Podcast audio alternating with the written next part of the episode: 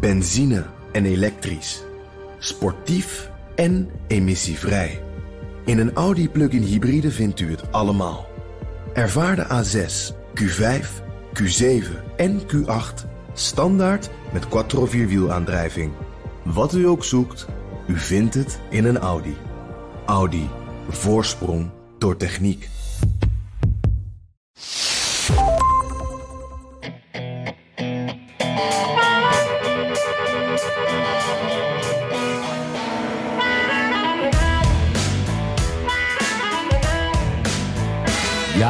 Natuurlijk is er heel veel aandacht voor de midterms, de verkiezingen op 8 november. Het laatste nieuws daarover hoor je in onze extra afleveringen van de Amerika-podcast. Maar het meest in het oog springende nieuws halen we er toch vast even uit. Het debat in Pennsylvania om een senaatzetel tussen de door Trump gesteunde controversiële televisiester Dr. Oz en de boomlange democratische vicegouverneur John Fetterman, die in maart werd getroffen door een beroerte en een beetje moeite heeft om uit zijn woorden te komen. I'm here today to have a debate.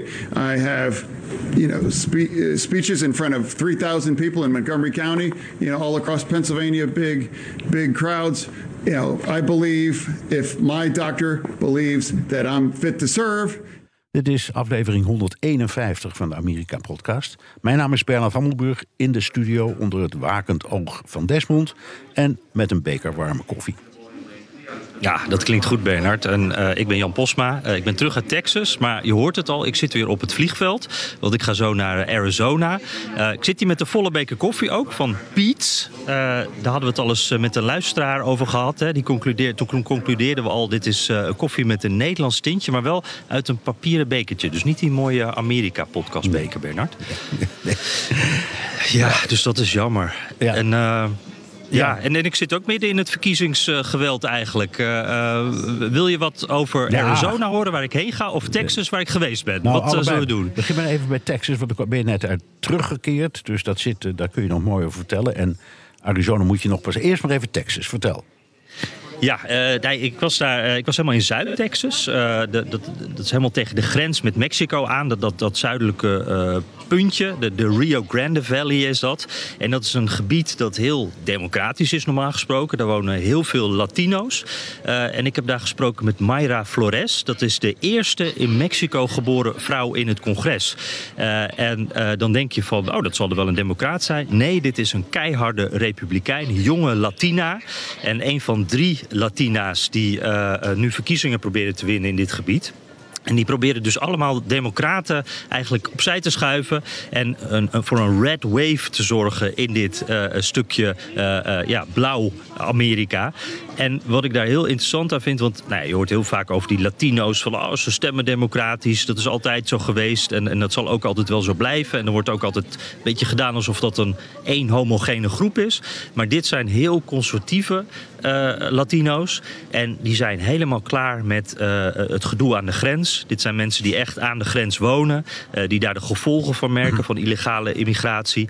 en en ja, die daar echt gefrustreerd over zijn. En ook het gevoel hebben dat Washington en de Democraten niet naar hun luisteren. Nee. En, ja. Ja, is, het, is het een beetje, want dat hoor ik dan wel vaak, zo dat de Latino's in Amerika dan zeggen: luister, wij zijn keurig netjes via de, de, de, de koninklijke weg gekomen. We hebben een, een verblijfsvergunning en een visum aangevraagd. En, en, daarna hebben we ons ingeschreven. En zijn meteen belastingen gaan betalen. En die lui die de grens overkomen, die komen er zomaar in. Beetje zoals je in Nederland de discussie hebt over uh, uh, vluchtelingen die de huizen krijgen van woningzoekenden. Zo'n zo ja. soort gevoel krijg ik vaak. Ja, precies. Ja, nee, dat hoorde ik hier ook veel. En, en dan hoor je dat. Uh, en en daar, moeten we ook niet bij vergeten. Hier wonen ook mensen met een Latino-achtergrond. Uh, die, die, die dat, hier zitten mensen die, waren al. Uh, die woonden hier al voordat het Amerikaans gebied werd. Toen zaten die families hier al. Dus die voelen zich heel erg verbonden met die gemeenschap. en inderdaad ook precies wat jij zegt. Mensen die zeggen: ja, mijn familie heeft al het harde werk gedaan. wij zijn de tweede generatie of de derde generatie. En wij werken ons op. En dan zijn er mensen die eigenlijk. Ja, naar binnen sneaken en al die moeite niet hoeven te doen. En dan zeggen ze ook, en, en daar hoor je dan het Fox News geluid ook erin doorklinken, van er zitten ook allemaal criminelen tussen. wij hebben last van de kartels, daar zijn we bang voor. waren mensen die beweerden dat ze echt, nou, dat hun auto al drie keer was gestolen, dat soort dingen. Dus ze merken ook echt de gevolgen en daar zijn er echt, echt boos over. Dus, en, en daarbij voelen ze zich dan echt eigenlijk meer Amerikaan dan Latino, denk ik, kan je wel zeggen. Ja, ja, ja. En even in Arizona. Want we horen je op dat vliegveld en eh, je moet zo instappen. Dus uh, we moeten ook een beetje voortmaken. Maar vertel even, ja. wat, wat, wat, wat, ga je doen in Arizona? Ja, precies. En dit staat in de Telegraaf trouwens zaterdag. Als alles goed gaat, als er niet iets geks in de rest van de wereld ergens gebeurt in Oekraïne of zo. Uh, Arizona, dat wordt al later. En dat gaat over ja, de ontkenners. De, de, mensen die niet geloven dat de verkiezingsuitslag van 2020 echt was. en daar is in Arizona van alles aan de hand. Hebben wij het ook al eens over gehad. Dat daar allemaal belangrijke kandidaten, onder andere voor gouverneur. Uh, die, die willen niet zeggen of zij de uitslag zullen erkennen. En er zijn er ook mensen die uh, de ballotboxes in de gaten houden. Dus dan kan je op een plek kan je gewoon je, uh, vroeg stemmen, kan je je envelopje inleveren. En die gaan daar dan bij staan te posten. En dat gebeurt soms ook gewapend. nou, er zijn ook weer rechtszaken over. Dus van alles aan de hand. Het, het rommelt daar echt een beetje in Arizona. Dus daar ga ik naar kijken. Benieuwd. Gaan we allemaal van je horen. ja. Oké. Eerst even naar uh, die Vetterman die we aan het begin hoorden. Daar gaan we maandag natuurlijk uitgebreider over praten in de Amerika-podcast Extra over de midterms. Maar Jan, jij hebt naar dat debat gekeken. Wat vond je ervan? Nou, ik, ik uh, heb daar echt wel met een beetje uh, moeite naar gekeken. Want die Federman, dat is een heel, uh, nou, je zei al, een boomlange kerel. Dat is echt iemand die, die valt op. Dus dat is iemand die ik al langer wat volg. En, en, en een hele flamboyante, interessante man, democraat. maar die heeft een beroerte gehad. En, en die moest laten zien eigenlijk tijdens het, dat debat dat hij terug is. Dat hij hersteld is, dat het wel goed gaat komen. Dat de kiezer zich geen zorgen hoeft te maken. En daarbij is de campagne de laatste tijd niet heel transparant geweest over zijn uh, toestand. Er werd steeds gezegd van het komt wel goed en hier is een doktersverklaring, een beetje à la Trump. Hè? En toen kwam dat debat en je hoorde hem, nou, dat, dat klonk al niet heel overtuigd en zocht naar zijn woorden. Maar er waren echt een paar momenten dat hij, ja, dat hij het gewoon even niet kon volgen. Dat het allemaal te snel ging. En ik moet dan ook wel zeggen, want het debatformat was dan... Uh, je krijgt nu 30 seconden go. En dan ging een pingeltje als het klaar was. Ik kan me ook wel voorstellen, dan moet je dus... hij, hij kan niet alles helemaal goed verwerken. Dus hij leest een soort ondertiteling uh, die live uh, wordt gegeven. Dat duurt dan eventjes. Je ziet hem dan even nadenken. En soms kwam er gewoon niks.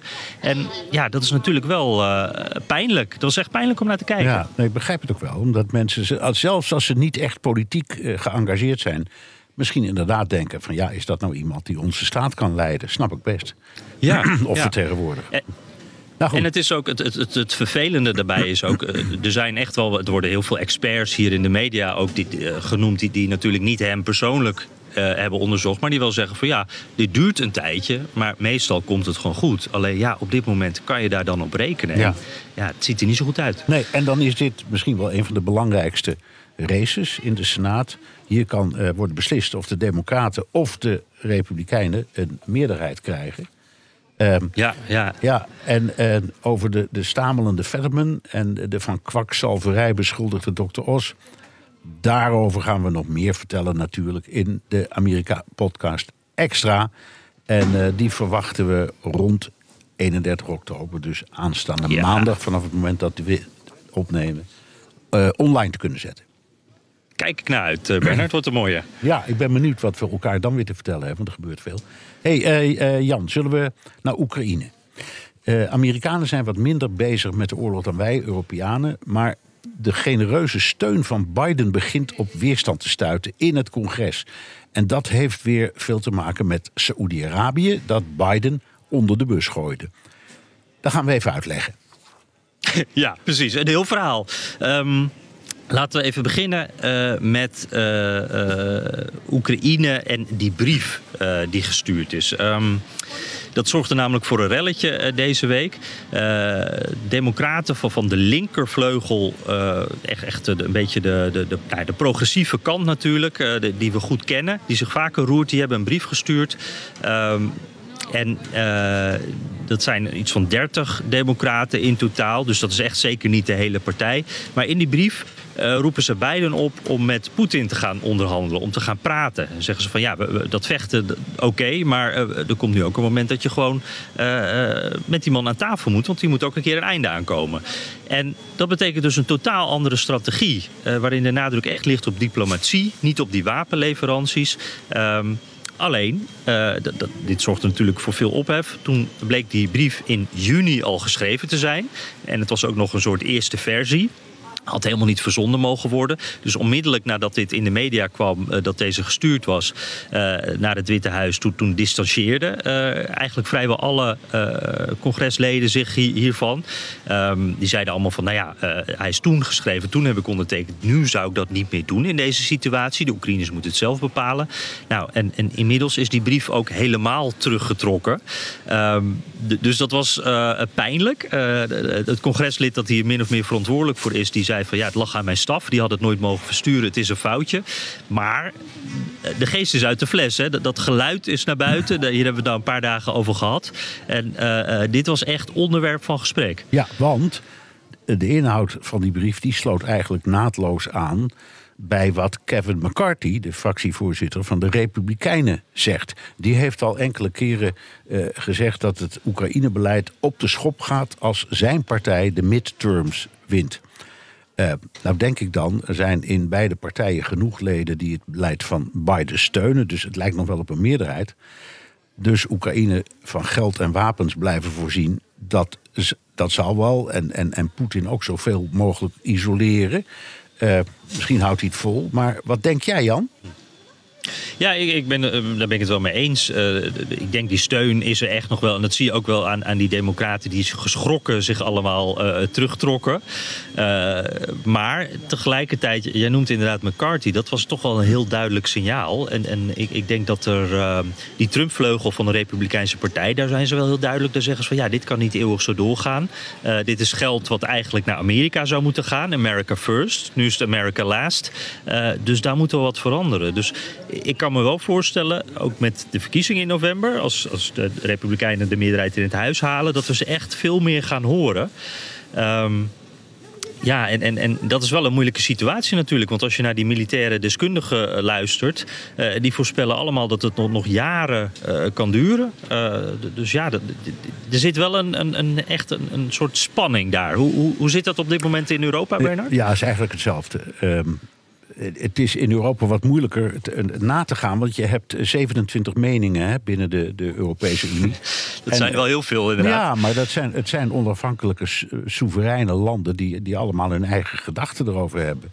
En sommige daarvan die, die zijn echt, uh, nou, laten we zeggen, heel uh, kordaat in hun, uh, in hun beleid en ook in hun, hun, hun, hun politieke statements. Nederland hoort daar bijvoorbeeld bij, is echt uitgesproken anti-Russisch en pro-Oekraïens. Uh, mm. Maar Italië, ja, dat trapt dan een klein beetje op de rem. Uh, omdat het altijd goede banden heeft gehad met Rusland. En ook nog wel afhankelijk is van de fossiele brandstof uit, uit Rusland. En, en dan zeggen de andere Europese landen ook, die, die zijn er niet echt boos om of zo. Hoor. Die zeggen dan, ja, dat begrijpen we best. Want ja, je, je kan niet iedereen dwingen, hoewel ze dat dan graag willen. Uh, Frankrijk en Duitsland steunen Oekraïne in woord volledig, maar in daden is het allemaal eerlijk gezegd een beetje karig. Um, hmm. En, en ja, dat, dat steekt dan weer af bij bijvoorbeeld hoe principieel uh, Nederland is. Dat is echt best behoorlijk. Um, maar ja, dus je ziet in, in, in alle landen dat er toch ook wel bedenkingen zijn tegen de harde lijn. Uh, en dat heeft ook te maken met de gevolgen, want de, de, de die zijn enorm. Hè. Kijk naar de inflatie, mm. kijk naar de brandstofprijzen. Um, en in, in, in dat opzicht is er echt sprake van een soort uh, ja, paniek in Europa. Er, er, is, er, er, mm. speelt zich een oorlog af. Uh, wij kunnen er niet heel erg veel aan doen, maar we zijn er wel de dupe van. En, en de vraag wordt ook steeds gesteld van wie is nou eigenlijk aan het winnen, Poetin of wij? Ja, ja. Ja, en dat, dat is wel ook vergelijkbaar met, met de situatie in Amerika. In ieder geval ook de, dat gevoel over brandstof en de gevolgen voor de bevolking. Waarbij, denk ik, veel Amerikanen toch denken van... ja, maar uh, die, die oorlog kan prima doorgaan zonder ons. Wij, voor ons is het echt een keuze. Is, is denk ik wat, wat veel Amerikanen in ieder geval denken. En, en ja, als je kijkt naar de lijstjes uh, van peilingen... Wat, nou het belangrijkste is... Uh, wat, dat, wat ik ook veel hoor in Texas, maar, maar ook hier in Washington... eigenlijk overal waar ik kom... is dat echt wel die inflatie, die benzineprijzen... dat is gewoon het belangrijkste verkiezingsonderwerp. Je hebt mensen die wel heel erg bezig zijn met een bepaald onderwerp, met abortus of, of met immigratie of, of criminaliteit. Al die dingen vinden ze ook belangrijk. Maar inflatie, dat, wordt altijd, dat noemen ze altijd uit zichzelf. En ja, dat heeft gevolgen. De, die populariteit van Biden uh, zit nu rond de 42 procent. Ik, ik, ik dacht, ik ga eventjes kijken van hoe zit dat nou met andere presidenten op dit punt in hun presidentschap. Dit is eigenlijk ongeveer het niveau van Trump, uh, van Obama en Clinton uh, op dit moment in hun presidentschap. En ja, dat is niet de plek waar je wil zijn, hè Bernard. Aan de vooravond van de midterms. dit zijn allemaal mensen die één of twee meerderheden in die kamers in het congres hebben verloren. Uh, dat is historisch ook iets wat vaak gebeurt. En, dat is nu ook wat, wat we bij beiden een beetje aanvoelen komen. Ja. Ja, het, je, je, ziet hem als het ware knokken en, en het, het glijdt af op de menigte. Dat, dat is het gevoel. Ik heb het gevoel dat hij van alles probeert. Um, en dat het op de een of andere manier niet lukt. En wat hij ook zelf zegt af en toe: van ja, de mensen die beseffen helemaal niet wat wij allemaal met deze regering al voor elkaar hebben gekregen. Um, maar er zijn ook dingen waar, die, waar we gewoon mee kunnen kijken, als het ware. En dan denk je, ja, ja, is dat nou wel slim? Is dat verstandig? Politiek zowel als economisch. Bijvoorbeeld, hij heeft een deel uh, van de nationale oliereserve vrijgemaakt gemaakt hm. voor de markt in de veronderstelling dat daardoor de, de, de olieprijs wat zou zakken. Nou, dat is niet gebeurd. Um, dus ja, dan keeper je dus een hele hoop van je, ik zal maar zeggen, van het tafelzilver gooi je dan gewoon weg. Hè? Daar komt het op neer. Ja, wat je bewaart dat voor een grote crisis. Die reserve heb je dan niet nee, meer. Nee, nou ja, die bouwen ze wel weer op. En natuurlijk, eh, Amerika is zelfvoorzienend. Hè, als het puntje bij paaltje komt in olie, maar toch. En dan heb je die, die andere kwestie. Uh, uh, drammen bij Saoedi-Arabië om meer olie. Uh, mm. hij, hij, is er, hij is erheen gegaan en uh, nou, met onder andere alle, alle mogelijke kritiek. Um, en, en dat heeft ook tot niks geleid, want um, ja, uh, dat, dat, eigenlijk was dat een mislukte actie. Dus je, je kunt hem niet verwijten dat hij niks probeert, maar het zijn geen successen. Nee, Nee, precies. En, ik moet ook wel zeggen, ik, ja, dat zijn er wel de wat meer democratisch georiënteerde kiezers. Maar die, die hebben er ook wel wat begrip voor. Die zeggen ook wel, dat hoor ik ook wel, van uh, nou ja, weet je, dit is ook niet een probleem wat alleen in Amerika leeft. Dit, dit zijn allerlei internationale zaken die spelen. En dat kan Biden ook niet allemaal oplossen. In Europa is ook inflatie.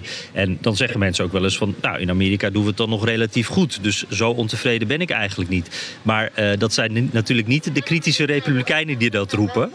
En die benadrukken ook wel heel erg van hoe, uh, nou, Saudi-Arabië, hoe, hoe Biden Biden daar een tijdje geleden met die fistbump uh, uh, stond. En hoe daar grote kritiek op was. En hoe die nu eigenlijk in de kou wordt uh, gezet door hetzelfde Saudi-Arabië. En ja, dat, is gewoon wel pijnlijk. En, en dan is Trump natuurlijk ook iemand die zegt van ja, mij respecteerden ze op de, het internationale politieke podium. die Biden niet. En op dat punt vond ik, de, de, New York Times, had je ook gelezen, was een mooi artikel onthullend verhaal, een soort reconstructie over over hoe Biden en het Witte Huis zich hebben verkeken uh, op Saoedi-Arabië. Hoe ze echt, nou, het was ook wel wat wishful thinking. Ze dachten echt, dit gaat goed komen. Saoedi-Arabië gaat ons helpen. En hoe, hoe, woest hij nu is. En, en, hoe hij eigenlijk, hij voelt zich echt bedonderd, hè, Biden. Ja. Hij, hij is echt boos op Saoedi-Arabië. Daar is echt wat kapot gegaan. Ja, en, en uh, Biden vindt dat hij onder de bus is gegooid. Uh, en de mm. kiezer vindt dat kennelijk ook. dus daar komt het eigenlijk op neer. Uh, en dat, zal, dat zal dan een verklaring zijn uh, van de successen die de Republikeinen waarschijnlijk gaan boeken in de midterms. Uh, ik lees heel veel over gedeprimeerde democraten, Jan. Ehm, dus die, ja. die, echt, die het echt, die echt, echt wanhopig zeggen: jongens, dit gaat allemaal mis. Nou, jij bent een, onze huisstatisticus. Hoe zit het met, hoe, hoe zit het met de recente peilingen? ja, ja, ja, ja. ik, uh, uh, dat blijft fascinerend. En ik, moet, ik zag deze week ook een verhaal over hoe, hoe de peilingen steeds lastiger te, te, maken zijn. En hoe we dus echt met een korreltje zout moeten nemen. Dus dat zeg ik er altijd, zoals altijd ook nu maar weer even bij. Maar dit blijft een mooie pijlstok, hè, om toch even te kijken ja, wat het gevoel ongeveer is. En nou, als we dan een paar belangrijke staten pakken, terwijl uh, hier ook uh, een beetje verbouwd wordt trouwens. Dus als je dat hoort, uh, ze zijn hier een restaurant aan het maken, even verderop. Oh, oké. Okay. Um, maar je bent er goed te verstaan ja. hoor. Ja. Gelukkig, gelukkig. en er wordt ook een... een vlucht omgeroepen. Een vlucht naar Colombia, ja. ja ook altijd leuk. South Carolina dan wel, niet de internationale bestemming. Maar goed, uh, laten we eens even kijken dan naar uh, niet South Carolina, maar uh, Florida. belangrijke staat. gouverneur DeSantis, waar we het ook vaak over hebben. Die republikeinse, een beetje de Trumpistische kroonprins, zullen we maar zeggen. Um, die is daar heel populair, heeft daar een flinke voorsprong. En dat is iets waar democraten natuurlijk wel naar kijken. Want dat is ook een belangrijke swing state. Wat voor de presidentsverkiezingen ook weer belangrijk is. En één aspect wat ze echt pijnlijk vinden, die democraten... waar ze echt wel een beetje angstig naar kijken... is uh, de county Miami-Dade. En dat is uh, nou, de stad Miami. En dat is een gebied, daar is 70% Latino.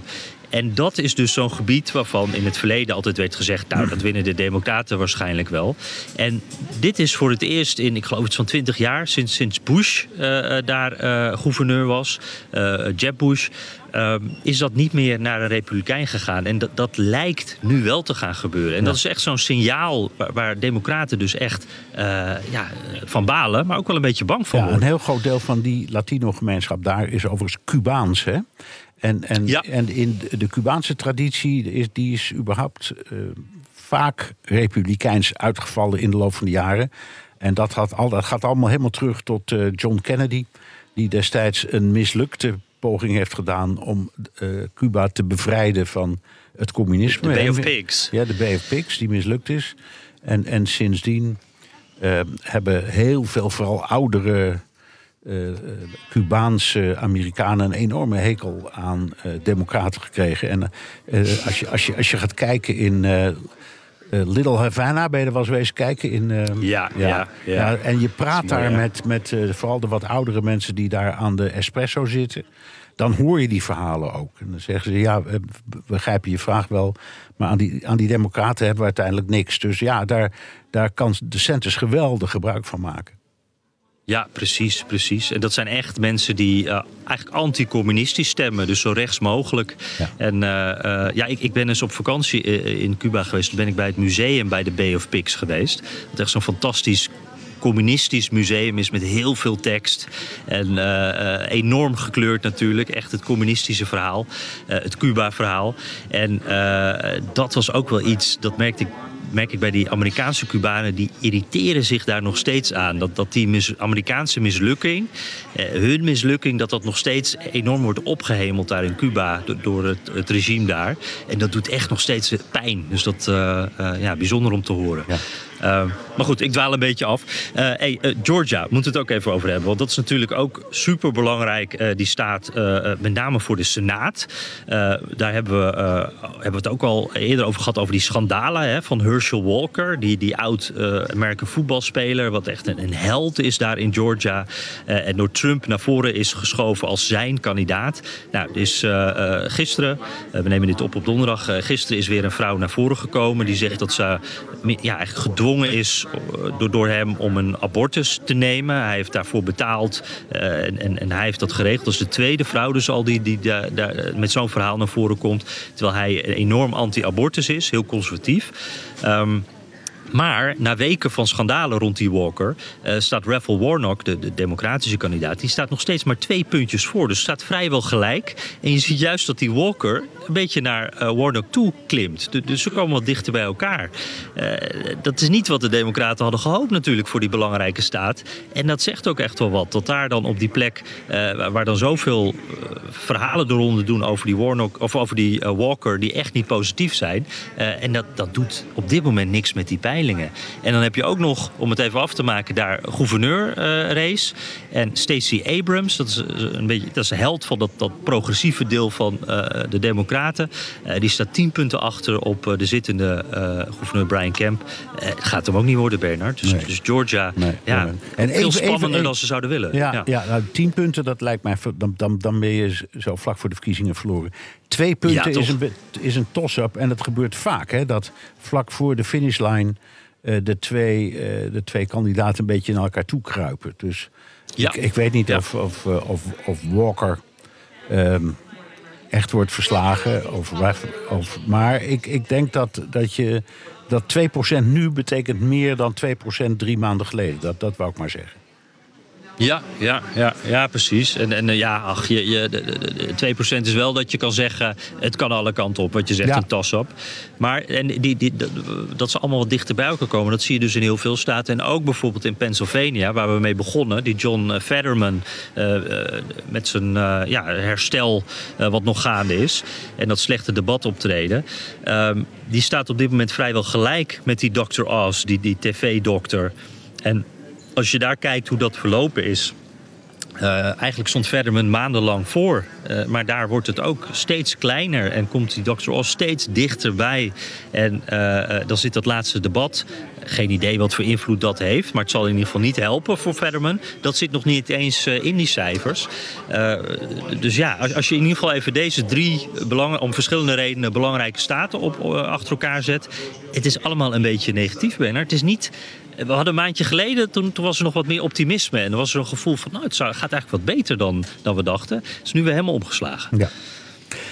Jan, om de luisteraar even te laten bekomen... onderbreken we de Amerika-podcast voor een zeer belangrijke mededeling. Benzine en elektrisch. Sportief en emissievrij. In een Audi plug-in hybride vindt u het allemaal. Ervaar de A6, Q5 Q7 en Q8 standaard met quattro vierwielaandrijving. Wat u ook zoekt, u vindt het in een Audi. Audi. Voorsprong door techniek. Jan, zullen we naar de luisteraars vragen? Ja, leuk. Um... Je, kunt, je kunt een vraag naar ons sturen of via mail. Of eh, via de Amerika Podcast WhatsApp. Dan kun je ook een boodschap inspreken. Het nummer is 06 28135020. Ja, en uh, hou die uh, voiceberichtjes en ook de e-mails graag uh, een beetje binnen de perken. Hoeven er niet in te knippen, is altijd fijn. laten we beginnen met een ingesproken vraag, Bernard. Van Jair IJzerman, bekende luisteraar, die hebben we vaker gehad, uit Jeruzalem. Ik zag toevallig in de Nederlandse media dat afgelopen weken een nieuwe Amerikaanse ambassadeur in Nederland was aangekomen, nog niet eens beëdigd. Uh, wat weten jullie over haar te vertellen? En het is wel heel frappant dat ze pas na twee jaar aankomen in Nederland. Zijn wij in, uh, in Amerika zo onbelangrijk? Ja, dat is een goede vraag. Um, ja. E-, eerst even over die, uh, die mevrouw uh, Chevrolet Rasdam. Um, dat is een mevrouw van Indiase afkomst. Um, en uh, ook, ook, laat ik zeggen, heel trots uh, daarop. Um, mm -hmm. En uh, ze was een, een fundraiser destijds voor Hillary Clinton en ook voor Joe Biden. en ja, en in dat geval dan word je beloond. Dat is zo. Ze is overigens voorgedragen door Biden als ambassadeur. al, ik, ik, al in maart, dus dat is, dat, is, dat is acht maanden geleden. En al, die, al die tijd heeft het bij de Senaat gelegen. Want je weet, de Senaat moet elke functie eh, van hoge ambtenaar, inclusief ambassadeurs, goedkeuren. En dat is ook gebeurd, maar dat zijn vaak uh, treiteracties uh, in de Senaat om een. De, de, de, heeft vaak partijpolitieke uh, achtergrond. We gaan ook met rechters, we gaan dat een tijdje lang traineren. Uh, of, wat ook vaak gebeurt, is te zeggen: we hebben er een hoop, die gooien we allemaal op één hoop. En dan doen, maken we er allemaal hamerstukken van. Maar, mm. uh, dat is wel belangrijk om vast te stellen. Elke, elke ambassadeur kun je zeggen in, in, in enig land van betekenis is een politieke benoeming.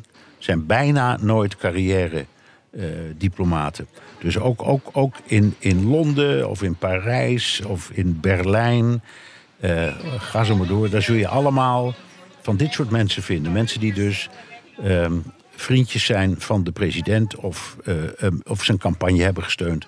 Of zoals in dit geval uh, een hele goede fundraiser is geweest. Mm. En Bernard, je kan wel zeggen dat dit uh, meer politiek is en dat dit meer cadeautjes zijn dan in Nederland, toch? Heb ik het idee. In Nederland zijn het meer echt mensen die ook wel wat meer kennis van zaken hebben, volgens mij. Oh ja, dat is zeker zo. Wij doen zelden of nooit, Nederlanders doen zelden of nooit aan politieke benoemingen. Um, en als het een keer gebeurt, dan, dan heeft dat een reden. Bijvoorbeeld, Nederland heeft een, een paar keer heeft deel, deel uitgemaakt van de Veiligheidsraad van de Verenigde Naties. En dan zijn er um, oud-ministers uit hun, hun, uh, uit hun pensioen gehaald om dat dan nog even een paar jaar te doen. Uh, mm. Dat lijkt er een heel klein beetje op, want normaal gesproken zou het volgens uh, het staffeltje van het ministerie van Buitenlandse Zaken moeten. Dus dan komt er iemand anders in aan. Dus het gebeurt wel eens. Uh, maar wij kennen niet de beloning van mensen die zich hebben ingespannen voor een politieke campagne. Want dat is hier helemaal, of in Nederland is dat helemaal geen gebruik, zoals je weet. Ja, die, die, gelukkig die, maar. Nou, nou, dat kun je zeggen, gelukkig maar, ja. Ja, ik vind het. Uh, ja. En, en uh, om nog even op de laatste vraag terug te komen. Wij zijn inderdaad wel zo onbelangrijk. Hè? Het is een hele lange lijst natuurlijk met ambassadeurs. Maar, maar wij zijn niet de eerste die onze ambassadeur krijgen. Nee, het is altijd zo. Um, en dat was ook bij de vorige regering. Want toen was het de op zichzelf best uh, bekend geworden Piet Hoekstra, weet je wel. Ja, die zat er ja. namens de regering Trump. Maar die was er ook niet de eerste dag, zou ik maar zeggen. Heeft ook een hele tijd geduurd. nee, dus. nee, klopt. Ja. Ja. Ja, het, het, ze beginnen hier een beetje wakker te worden, Bernard. Er staat echt een lange rij nu bij Pete's Coffee. Het zonnetje begint te schijnen, dus het, is nu, uh, het begint nu echt druk te worden hier. Oké. Okay. Washington wordt een beetje wakker. Ja. En uh, daarmee gaan we dan maar even naar de tweede vraag. Robert van Leeuwen. Uh, die zegt komende week. en deze vraag die is al is een, een, keertje blijven liggen. Dus misschien zit hij er nu al. Komende week vliegen mijn vriendin en ik naar Boston voor drie weken fall foliage. het leaf peak, hè, de mooie verkleuring van de, de, de, blaadjes tijdens de herfst. En op de terugweg gaan we nog een paar dagen naar New York. Omdat ik graag podcast luister, luister heb ik ter voorbereiding naar een leuke geschiedenispodcast gezocht. En hij heeft een tip. Hij vond American History Tellers van Wonderly. Uh, gepresenteerd door een Lindsey Graham. Niet de senator, maar een andere Lindsey. Uh, wat ik toch een grappige uh, mannennaam vind. er zijn bijna 50. 50? Dat kan niet toch? Nee. 50 seizoenen, 50 afleveringen, denk ik. En seizoen 15 nou ja, gaat over Dutch Manhattan. Dat klinkt in ieder geval heel erg leuk. Hij zegt uh, uh, nou, over de 17e eeuw, dus uh, over de Nederlandse invloed daar. Dat lijkt me een hele mooie tip. Nou, misschien misschien is ook, dat wel ja. in, in de 17e eeuw opgenomen, want dan zit je snel aan 50 seizoenen. ja. ja, precies. Een van de eerste podcasts. ja. hij luistert ook naar ons, Bernard. Dat doet hij tijdens een woon-werkverkeer in de Zwitserse treinen. dus uit Zwitserland. Want hij woont in leuke Zwitserland. tip. Ja, dank. Ja. Robert van Leeuwen. Ja, dank Robert. Uh, Jan Hammerwind. Uh, bij Republikeinen is de gangbare opvatting dat de staat een beperkte invloed zou, invloed zou, moeten hebben op het dagelijks leven en economie. Waarom is het dan toch zo dat Biden aangevallen wordt op inflatie en hoge brandstofprijzen? Die worden immers grotendeels door de markt bepaald. Hetzelfde geldt voor werkgelegenheid, uh, waar het wel goed mee gaat. Nou, ja. de marktwerking. Ja, allemaal waar, dat klopt. Voor een deel klopt dat. Maar het is, eh, Biden betaalt hier de prijs voor zijn eigen woorden, want hij suggereert in de manier waarop hij um, zijn, bijvoorbeeld zijn, die anti-inflatiewet presenteert, mm. dat hij degene is die aan die inflatie iets kan doen. Nou is dat mm. ook wel zo hoor, want, want regeringsbeleid heeft daar natuurlijk wel mee te maken. Um, en dat, en waar we het straks ook al over hadden, die, het dumpen van een deel van de nationale olievoorraad. Uh, in de hoop dat de prijs omlaag gaat. Ja, dat is ook zo'n aanval op de hoge brandstofprijs. Alleen, het helpt niet. En uh, ja, uh, Jan Harme heeft volkomen gelijk. Het is de markt die het bepaalt. Maar Biden zegt zelf dus: ja, maar ik heb er invloed op. En dat blijkt helaas niet uit te komen. Nee, en, en Republikeinen zeggen ook. Um, eigenlijk verstoor je de markt, Joe Biden, door bijvoorbeeld in te zetten op groene energie. We moeten gewoon lekker zelf uh, die olie uit de grond pompen hier. En dan is er helemaal geen probleem. Dan laat je echt de markt werken. Dat is ook een gedachte. Ook dat is waar. En En die werkgelegenheid, dat is wel echt een goed punt. Hè? Want het gaat altijd over werkgelegenheid. Maar nu de inflatie uh, zo hoog is, uh, valt dat eigenlijk helemaal weg en hoor je daar niemand over. En inflatie raakt natuurlijk iedereen. Terwijl nee. werkgelegenheid alleen de personen ja. die werkloos zijn. Ja, maar dat, komt, maar dat komt natuurlijk ook omdat er zo weinig werkloosheid is. Dus de werkgelegenheid mm. is goed op het ogenblik in de Verenigde Staten. Ja, maar ik bedoel, daar zou je, uh, dat zegt Jan Harman ook een beetje, daar zou je ook wel wat meer uh, vreugde over verwachten. En misschien ook eens een complimentje richting beiden. Van hé, hey, je doet ook iets goed. Maar dat, dat, hoor je toch niet echt? Nee, nee dat hoor je inderdaad nee. niet veel. Nee. maar ja, dat is misschien ook lastig als je uh, bij het boodschappen doen je creditcard bijna in vlammen ziet opgaan. Ja. Um, dank in ieder geval voor die vraag. Bob Eikermans dan, die luistert al sinds aflevering 1. Dus dat is ook bijna de 17e eeuw, Bernard. Een veteraan. Uh, ja. Ja, zeker. En daar is er nog. Gelukkig, Bob. Um, hij zegt, uh, nu, hebben jullie, nu hebben jullie me wel getriggerd... met de opmerking van Jan dat het pardon van Ford aan Nixon... staatsrechtelijk een goede zet was. Ben je dan ook van mening dat Biden dit bij Trump had moeten doen? Uh, en tussen haakjes, als Biden het had gedaan... was het dan niet een tactische meesterzet geweest... om de haat te kalmeren waarop Trump zo goed gedijt. Terwijl hij ja. tegelijkertijd Trump wel wegzet als overtreder. Hmm. Ja, dat, dat ging toen over uh, het pardon, de gratie die Ford aan Nixon gaf hè, na Watergate, waardoor Nixon uiteindelijk niet vervolgd werd en uh, het presidentschap eigenlijk wat beschermd werd ja, en, en ja. het land meer schade werd. Uh, oh, jij, jij, wil wat zeggen? Ik hoor nee, het. nee, nee, nee. Ik, ik luister aandachtig, precies zoals het was. ja. Ja, nou ja, en, en uh, Ford die heeft er, dus dat zei ik toen ook, Ford heeft er eigenlijk zelf uh, zijn populariteit op het spel gezet. En dat heeft hem ook uh, het presidentschap uiteindelijk gekost. Uh, ook om het land meer ellende uh, te, te, onthouden. En ehm, ja, ik, volgens mij heb ik toen niet gezegd dat het staat, staatsrechtelijk echt de, de, juiste beslissing was. Maar meer dat het dus, ja, dat heeft er wel wat mee te maken. Maar dat in die zin het ambt van president niet verder besmeurd was. En dat dat denk ik wel belangrijk is geweest voor de positie van de president ja. in de toekomst. En ja, Bernard, ik weet niet wat jij uh, ervan denkt, maar ik denk niet dat dit bij Biden en Trump zou werken. Want nee. ik denk niet dat het helpt. Ik denk dat het niets helpt. Nee, nee. Nou, in de eerste plaats, er zijn allerlei pogingen om uh, de suggestie te wekken. Ik zeg het heel voorzichtig, dat Trump. sorry. Um, um, juridisch iets te verwijten valt. Ik zeg het expres zo, omdat geen van die zaken tot nu toe echt al loopt. Dus het mm -hmm. is nog maar de vraag. Hij is, hij is hooguit verdacht in een aantal kwesties. Dat is het. Ja. Bij Nixon stond vast dat er geen ontkomen aan een veroordeling was als hij voor de rechter zou verschijnen. Dat, dat, was zo aan alle kanten zo duidelijk. En bij Trump zou je kunnen zeggen, zeker als je aan de kant van Trump denkt of staat, van ja, jullie roepen het allemaal wel, maar voorlopig is het niet Trump, maar de Trump Organization, of voorlopig is het niet Trump, maar een medewerker van Trump, staat allemaal nog niet vast. Dus da, dat is één. In de tweede plaats zijn het mensen van tegengestelde partijen.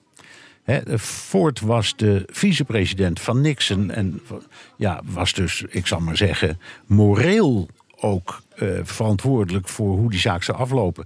Dat is in dit mm -hmm. geval helemaal niet zo. Uh, uh, Biden is niet moreel verplicht over de afloop van de zaak Trump. Dus nee, het, ik vind het een hartstikke originele gedachte. En misschien zou het inderdaad helpen. Aan de andere kant, als het zou gebeuren, hè, als Trump dus op de voorhand op dit moment gratie kreeg voor alles waarvan hij wordt verdacht.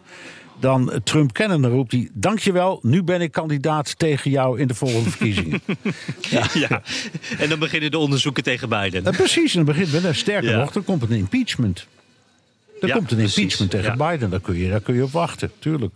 Ja, zeker. Ja, en, en tegen de verschillende ministers ook nog. Ja. Nee, dus, maar wel een, een hele leuke vraag. Want dat brengt deze twee dingen samen. En uh, een goed punt inderdaad. Dat, dat, dat Ford als, als partijgenoot van Nixon en als medeverantwoordelijk een heel andere positie had dan Biden. Die, die als tegenstander eigenlijk ook een beetje verdacht is in alles wat hij hierover ja. zegt. Dus ja. dat, uh, ja. Nou, leuk. Uh, Vincent de Weert, die heeft een tip. Pure klasse. Uh, nou, dan denk je, oh, zo wel. Maar als je zegt The Right Stuff, dan zijn er denk ik een heleboel luisteraars die meteen denken: ja, van Tom Wolfe. Ja. Uh, een boek, en volgens mij is het ook een film over de geschiedenis van de ruimtevaart in de jaren 50 en 60. De eerste astronauten eigenlijk, hè? Waanzinnig boek. Ja, ja daar staat het, het verhaal, uh, verhaal van Gagarin en al dat soort mensen. Ja.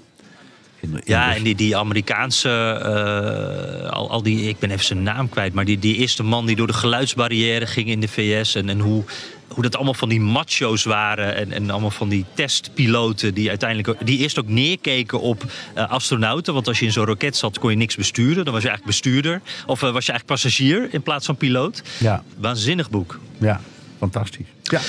Ja, en uh, er zit nog een, een, een vraag aan vast met een mooi bruggetje. Over ruimtevaart gesproken, welke president uit het verleden zouden jullie als het kon, kon doen? zouden jullie als het kon doen vliegen naar de nieuwe verkiezingen van 2024 als mogelijke opponent van Trump? Ja, ja welke, welke persoon uit de geschiedenis, welke president zou nou passen in deze tijd? Ik vind dat heel moeilijk, omdat dit zo uniek uh, de problemen van deze tijd. De, zal ik je, de, zal ik het, ja. het ge, een gek antwoord, maar ik meen het toch? Nou. Bill Clinton.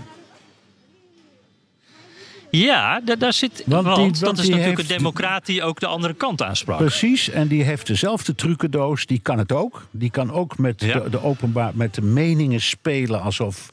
En, en, en menigte eh, eh, inspireren. En, en ook van die grote rallies samen eh, eh, krijgen. Waar ze allemaal staan te juichen op de banken. Of doodstil zijn als hij weer een verhaal vertelt. Dus die, ik denk dat die het, het zou kunnen. Hij is, hij is inmiddels te oud. Ik weet ook niet of hij nog zou willen. of zijn gezondheid toelaat. Maar die zou ik zo in de, in de ring zien treden tegen Trump. En ik denk dat hij bovendien iets zou doen wat geen van al die eh, alle, alle politici kunnen. Hij zou bij wijze van spreken er de lol van blijven inzien. Want dat, het aardige van debatten met Bill Clinton was dat was heel hard en vaak zeer vilijn, maar het had ook iets grappigs. Dus hij, er, er zat een, er zat een zekere ironie of humor in. En dat is iets wat je in de strijd tegen, tegen zo iemand als Trump natuurlijk fantastisch zou kunnen inzetten. Ja, ja, eh, ja, en een, een democraat uit een eh, republikeinse staat eh, uit het zuiden. Dat, ja, fantastisch. Ja, dat, in- daar kan ik niet overheen, Bernard. in- inmiddels, inmiddels is hij natuurlijk, woont hij gewoon in, in Westchester, de provincie Westchester in New York. Dus de Ar- Arkansas is er misschien uitgesleten, maar toch. Ja, Ja. dat is waar. Maar een hele mooie. Dat, eh, ja, en, en als, als het, want hij zegt een president uit de geschiedenis. Dus dit zou dan een Clinton met een schone lei. En ook, ik denk, op de leeftijd van toen. Nou, dan, dan zou eh, dat zou helemaal passen. Ja, ik weet niet eens of hij die schone lijn, lei eh, nodig heeft. Nou ja, eh, met zijn vrouw, toch? Hillary dat Clinton is natuurlijk de rode lap voor elke republikein. Dat weet ik, dat weet ik. Maar ik denk zelfs Ja. met al die eh, eh, hindernissen, zal ik maar zeggen, zou het nog steeds een leuke tegenstander zijn van Trump. Want die heeft ook allemaal van dat soort hindernissen. Hè, die wordt toch ook door de, de Democraten beschouwd als een ten onrechte nog rondwandelende misdadiger. Ja. ja. Nou, dan zou- krijgen we nog een keer Clinton tegen Trump. Op dat Leuk, punt. eh, leuk, dan leuk. hoeven ze de shirtjes niet opnieuw te drukken. Ja. Hele leuke vraag in ieder geval. Eh, Jacco Reizinga, eh, die vraagt ook een ruimtevaartvraag. Hoe is het eigenlijk met de Space Force? De krijgsmacht, het krijgsmachtsonderdeel dat in 2019 is opgericht door Trump. werd toen veel om gelachen. Maar hoe staan zij nu in de wedstrijd? Nu Biden en de Democraten de scepter zwaaien. Ja. het enige wat ik van de weet, ervan weet is, het bestaat nog. En het heeft ook nog een, een, een budget, maar heel laag. En het zijn ook nog maar een paar honderd mensen. Maar ik weet eerlijk gezegd niet wat ze doen meer.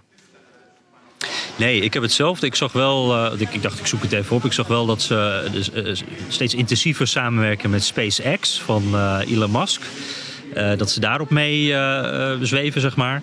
En wat me ook, eh, er waren twee dingen waar ik wel weer om moest lachen. Ze hebben laatst hun officiële eh, ja, liedje zeg maar, uitgebracht. Dus ze, zijn, ze hebben nu officie- officieel een anthem. Eh, dus dat maakt het ook wel weer echt. En wat ook wel mooi is, laatst was er een ceremonie waarbij alle onderdelen van de krijgsmacht achter Biden stonden. En toen stond daar ook de vlag van de Space Force bij. Dus ze horen er nog wel echt bij. Oké, nou, Maar ja, wat ze doen, ik weet het ook niet. Gaan we in de gaten houden.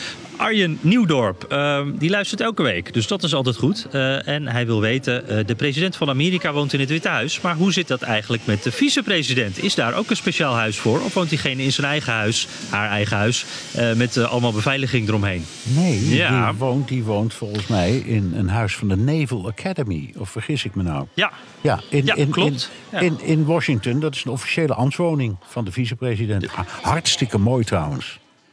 Ben jij daar wel eens geweest? Ik ben er één keer geweest. ehm, niet Ik er nog nooit. Niet, niet binnen, maar buiten. Om, eh, ik weet niet meer, een of andere politicus op te wachten die naar de binnen ging en weer naar buiten kwam. En het, het ligt dus eh, ja, in de buurt van American University, die kant op. Ehm, Ja. mooi, mooie buurt en, en ja, het prachtig gebouw. Ja, het, het is eh Calorama. Het, het is eh, een beetje op fietsafstand van waar ik woon. Dus ik ben er wel eens wezen kijken. En eh, de Navy Observatory. En het zit om, met allemaal bossen, hoge hekken eromheen. En midden in een hele dure wijk, Calorama, waar allerlei ambassades staan. Waar de Nederlandse eh ambtswoning, volgens mij ook van de Nederlandse ambassadeur. Ja, de ambtswoning staat daar ook. Eh, maar ook waar bijvoorbeeld vroeger de Kushners eh, woonden. Heel rijke buurt. En ja, ik ken het alleen van foto's, Bernard. Want ik ben er nog nooit binnen geweest. Ook nog nooit reden geweest om daar binnen te komen. Dus ik ken het alleen van plaatjes. Maar volgens mij mooi, ja, klassiek. Ja. klassieke villa. Ja, hoeven we geen mailen mee te Ja, hebben. Nee. Nee, zeker niet. En wel met de omgeving trouwens. Want dat zijn dus allemaal miljardairs die daar wonen. En, en ambassademensen. En eh, eh, de helikopter van de vicepresident komt daar nogal eens over. En, en dat is wel eens eh, eh, tot frustratie van de omgeving. Want dat maakt heel veel lawaai. Eh, Alex Kraus, als ik het zo goed zeg. Dat hoop ik, Alex. Ehm, die zegt, eh, ook al de eerste podcast. Jemig, dit zijn allemaal diehards, Bernard. Zo. Ja, en hij wil eh, weten, in eh, Europa zegt hij zijn we bezig met de energietransitie. Eh, de gemiddelde Nederlander heeft of overweegt zonnepanelen en een warmtepomp. Hoe zit dat bij Joe Sixpack? Zijn in de suburbs ook zonnepanelen op daken? Ik ben ervan overtuigd dat wanneer economische grootmacht als de VS haar innovatieve macht hierop loslaat, er veel sneller en goedkoper duurzame oplossingen worden bedacht. Ja, en dan vraagt hij ook nog wat kost een kilowattuur stroom en een kubieke meter gas in Amerika eigenlijk. Eh, ik moet eerlijk zeggen dat ik dat heb. Ik heb niet eens gas, dus eh, ik weet dat Nee, eigenlijk helemaal nee niet. ik heb ook geen gas. Ik heb alleen maar Elektra in eh, New York. Dus ik kan, kan het hem ook niet vertellen. De, stro- Nee. de stroom is een stuk duurder geworden, maar ik weet niet hoeveel duurder. Het gas overigens niet, voor zover ik begrijp, in Amerika. Maar dat, ik weet, ik, dat weet ik niet helemaal zeker. En wat betreft eh, alternatieve energie, jazeker. Ik weet niet hoe het zit met zonnepanelen. Maar als je rijdt van eh, Los Angeles naar Palm Springs over Highway number 10. En je bent ongeveer halverwege, dan kom je naar het oud, langs het oudste en grootste park van windmolens ter wereld. Eh, Dus die zijn er al heel lang mee bezig. Ver voordat die dingen in Europa eh, stonden, stonden er in Amerika al een hele hoop. Je hebt bovendien ook hele interessante projecten. Daar ben ik ook wel eens naar wezen kijken. Met water. hè, energie uit watervallen, bijvoorbeeld. Eh, Dat heet dan hydro-energie. Dat kost helemaal niks om dat op te wekken. Ja, je moet een, je moet een apparaatje hebben om, eh, dat, dat die stroom opwekt. Maar goed, dat is simpel. Eh, en dat levert enorme hoeveelheden. En het is permanent en betrouwbaar. Dus dat heb je ook. En het is heel veel. Eh, en Ja. voor de rest, ja, voor die zonne, zonnepanelen, daar wil ik nog wel eens induiken eigenlijk. Hoe dat zit in Amerika. Want het zou in de woestijn een ideale oplossing zijn. Ja, en, en je ziet daar wel, ehm, dat, dat, in Texas zag ik dat ook wel, wel van die grote zonnepaneel, eh, ja, hoe noem je dat? Zonnepaneelvelden eigenlijk. Ja, die heb ik ook wel Eh, gezien. Een grote project. Maar ja. op huizen en, En- zo, en- dat weet ik niet. Ja, nee, zie, toch minder. Je ziet ze wel, maar niet zoveel. Het enige waar ik wel eh, meteen aan moest denken... ehm, na orkaan Ian in Florida, ehm, een maandje geleden... toen eh, was er gelijk een berichtje over een dorpje in Florida... eh, wat als enige nog elektriciteit had. Want dat was een compleet duurzaam dorpje. Het was ook allemaal nog heel nieuw. En die hadden ook wel een beetje mazzel gehad met de orkaan. Die was een beetje zo langs hun gegaan. Maar in die halve staat hadden mensen geen elektriciteit, niks. En zij hadden geen enkel probleem. Helemaal zelfvoorzienend. En nou, daar, werd toen wel, daar was toen wel veel aandacht voor. Van wacht even, goed voor het milieu. Maar eh, ook handig eh, als je afgelegen woont of in zo'n geval. Dus, Ja. nou, Ja, ja is het ook. maar goed. Ja, cool. Ehm, zullen we nog... eh, nou, we doen er nog een paardje toch, een paar, Bernard. Ik is het even... Want, ja, we, moeten zo ook naar het vliegtuig. Jij Ja, moet ook moet eh, instappen. programma opnemen, hè? Ja, Ja. of in de ja moet uitzending moet je eigenlijk sowieso. uh, BNR de Wereld hebben we. Ja. Ja, precies. Nou, kunnen we nog net even Ronald doen. Ronald van Randeraad. Ehm, die eh, luistert altijd op vrijdagochtend in de auto eh, naar het werk. Dus eh, nou ja, als je nu rijdt, Ronald, of in de file staat, succes daar. Ik hoop dat het een beetje opschiet. Ehm, hij heeft ook op ons gestemd voor de Podcast Awards. Dankjewel. Dankjewel. Wel, Ja, dankjewel. Ik hoop dat iedereen die dit hoort je, je voorbeeld doet volgen, Ronald. Wat hij zich afvraagt. Hoe staat het er op dit moment voor met corona in de VS? Is er nog enige reflectie op de genomen besluiten tijdens de pandemie? En is corona en de aanpakken van überhaupt nog een onderwerp tijdens de midterms?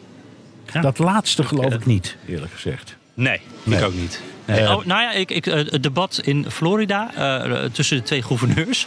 Toen eh, zei de democratische gouverneur Ron DeSantis... dat is de gouverneur die ervoor gezorgd heeft dat Florida dichtging.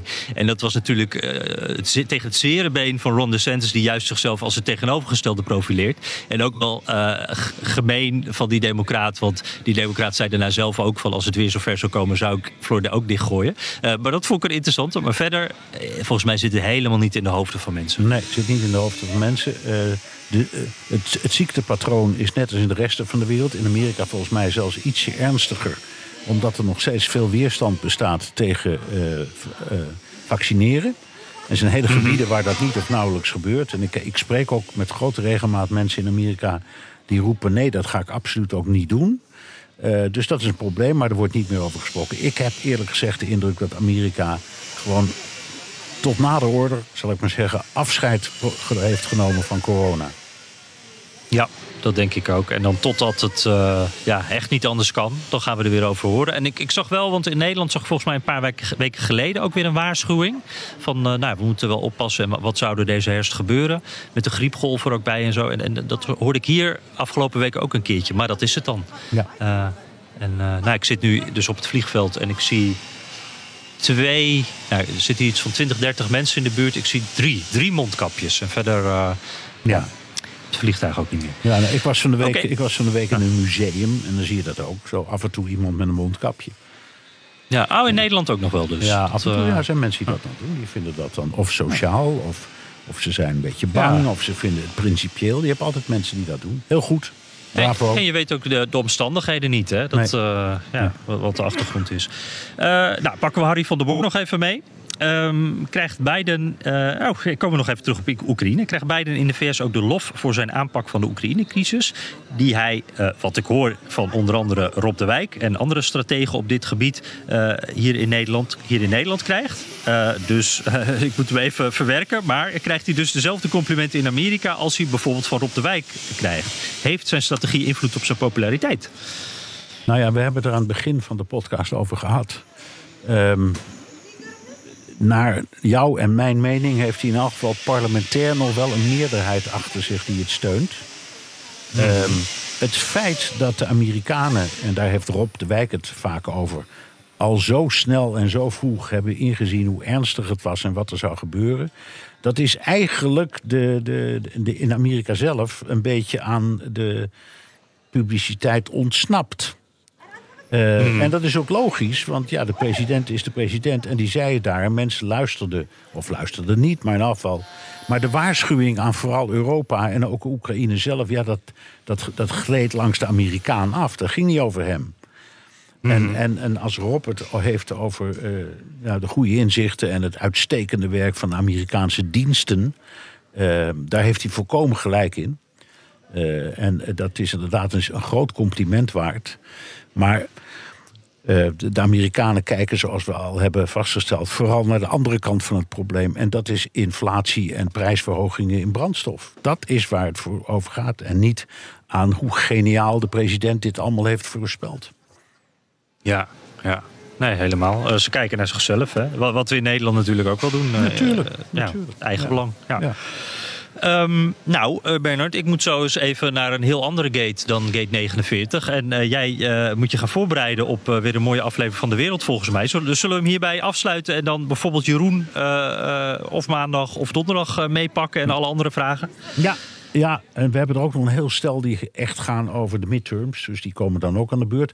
Nog een keer. Ja. Hoe nomineer je ons ook alweer voor de Podcast Awards? Ja, uh, uh, dat is heel belangrijk. Podcastawards.nl. Want we zijn hem aan het begin helemaal vergeten te noemen. Maar als je er nog bent, dan ben je echt wel een fan van deze podcast. respect. Dan, dan heb je hem helemaal afgeluisterd. Podcastawards.nl is dan de plek waar je kan laten zien dat je vaste luisteraar bent. Doe dat alsjeblieft, want we hebben het echt nodig. We hebben grote concurrentie van grote namen. Waaronder ook Rob de Wijk met Boekenstein en de Wijk. Ook een fantastische podcast natuurlijk. Maar stem op ons. Volgens mij nieuws en politiek is de categorie. En nou ja, als wij ja, uh, die beker in, winnen, of wat het is, dan, in, dan gaan we hem showen in heel het land. Ja, ja, in alle eerlijkheid, daar staan Boekenstein en de wijk ook, hè, in diezelfde categorie. Dus het wordt ook nog, Ja, een, precies. wordt ook nog een gewetenskwestie. ja, oké. Die moet je overslaan dus. Ja, Ja, Terugluisteren, terugluisteren kan via de BNR-site, Apple Podcasts of Spotify. Heb je vragen, opmerkingen, kritiek of complimenten? Dan kan dat ook met een tweet naar Jan USA of BNR De Wereld of heel ouderwets met een mailtje naar dewereld.bnr.nl. En je kunt ook je vraag inspreken of intikken op de Amerika Podcast WhatsApp.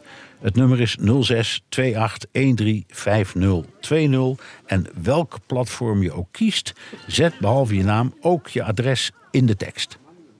Ja, want dan eh, eh, kan die fantastische mok naar je toe komen. En eh, tot de verkiezingen gaan wij Amerika Podcast Midterm 2022 mokken wegge- weggeven. Een hele mond vol. Het is een hele mooie mok. Limited edition.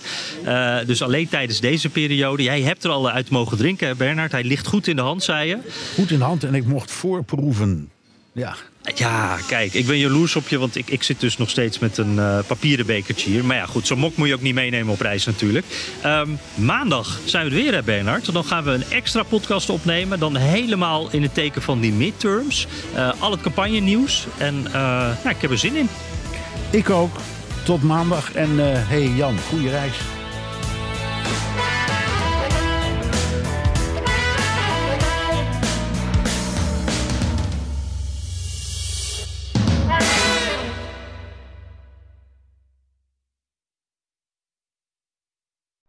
Benzine en elektrisch.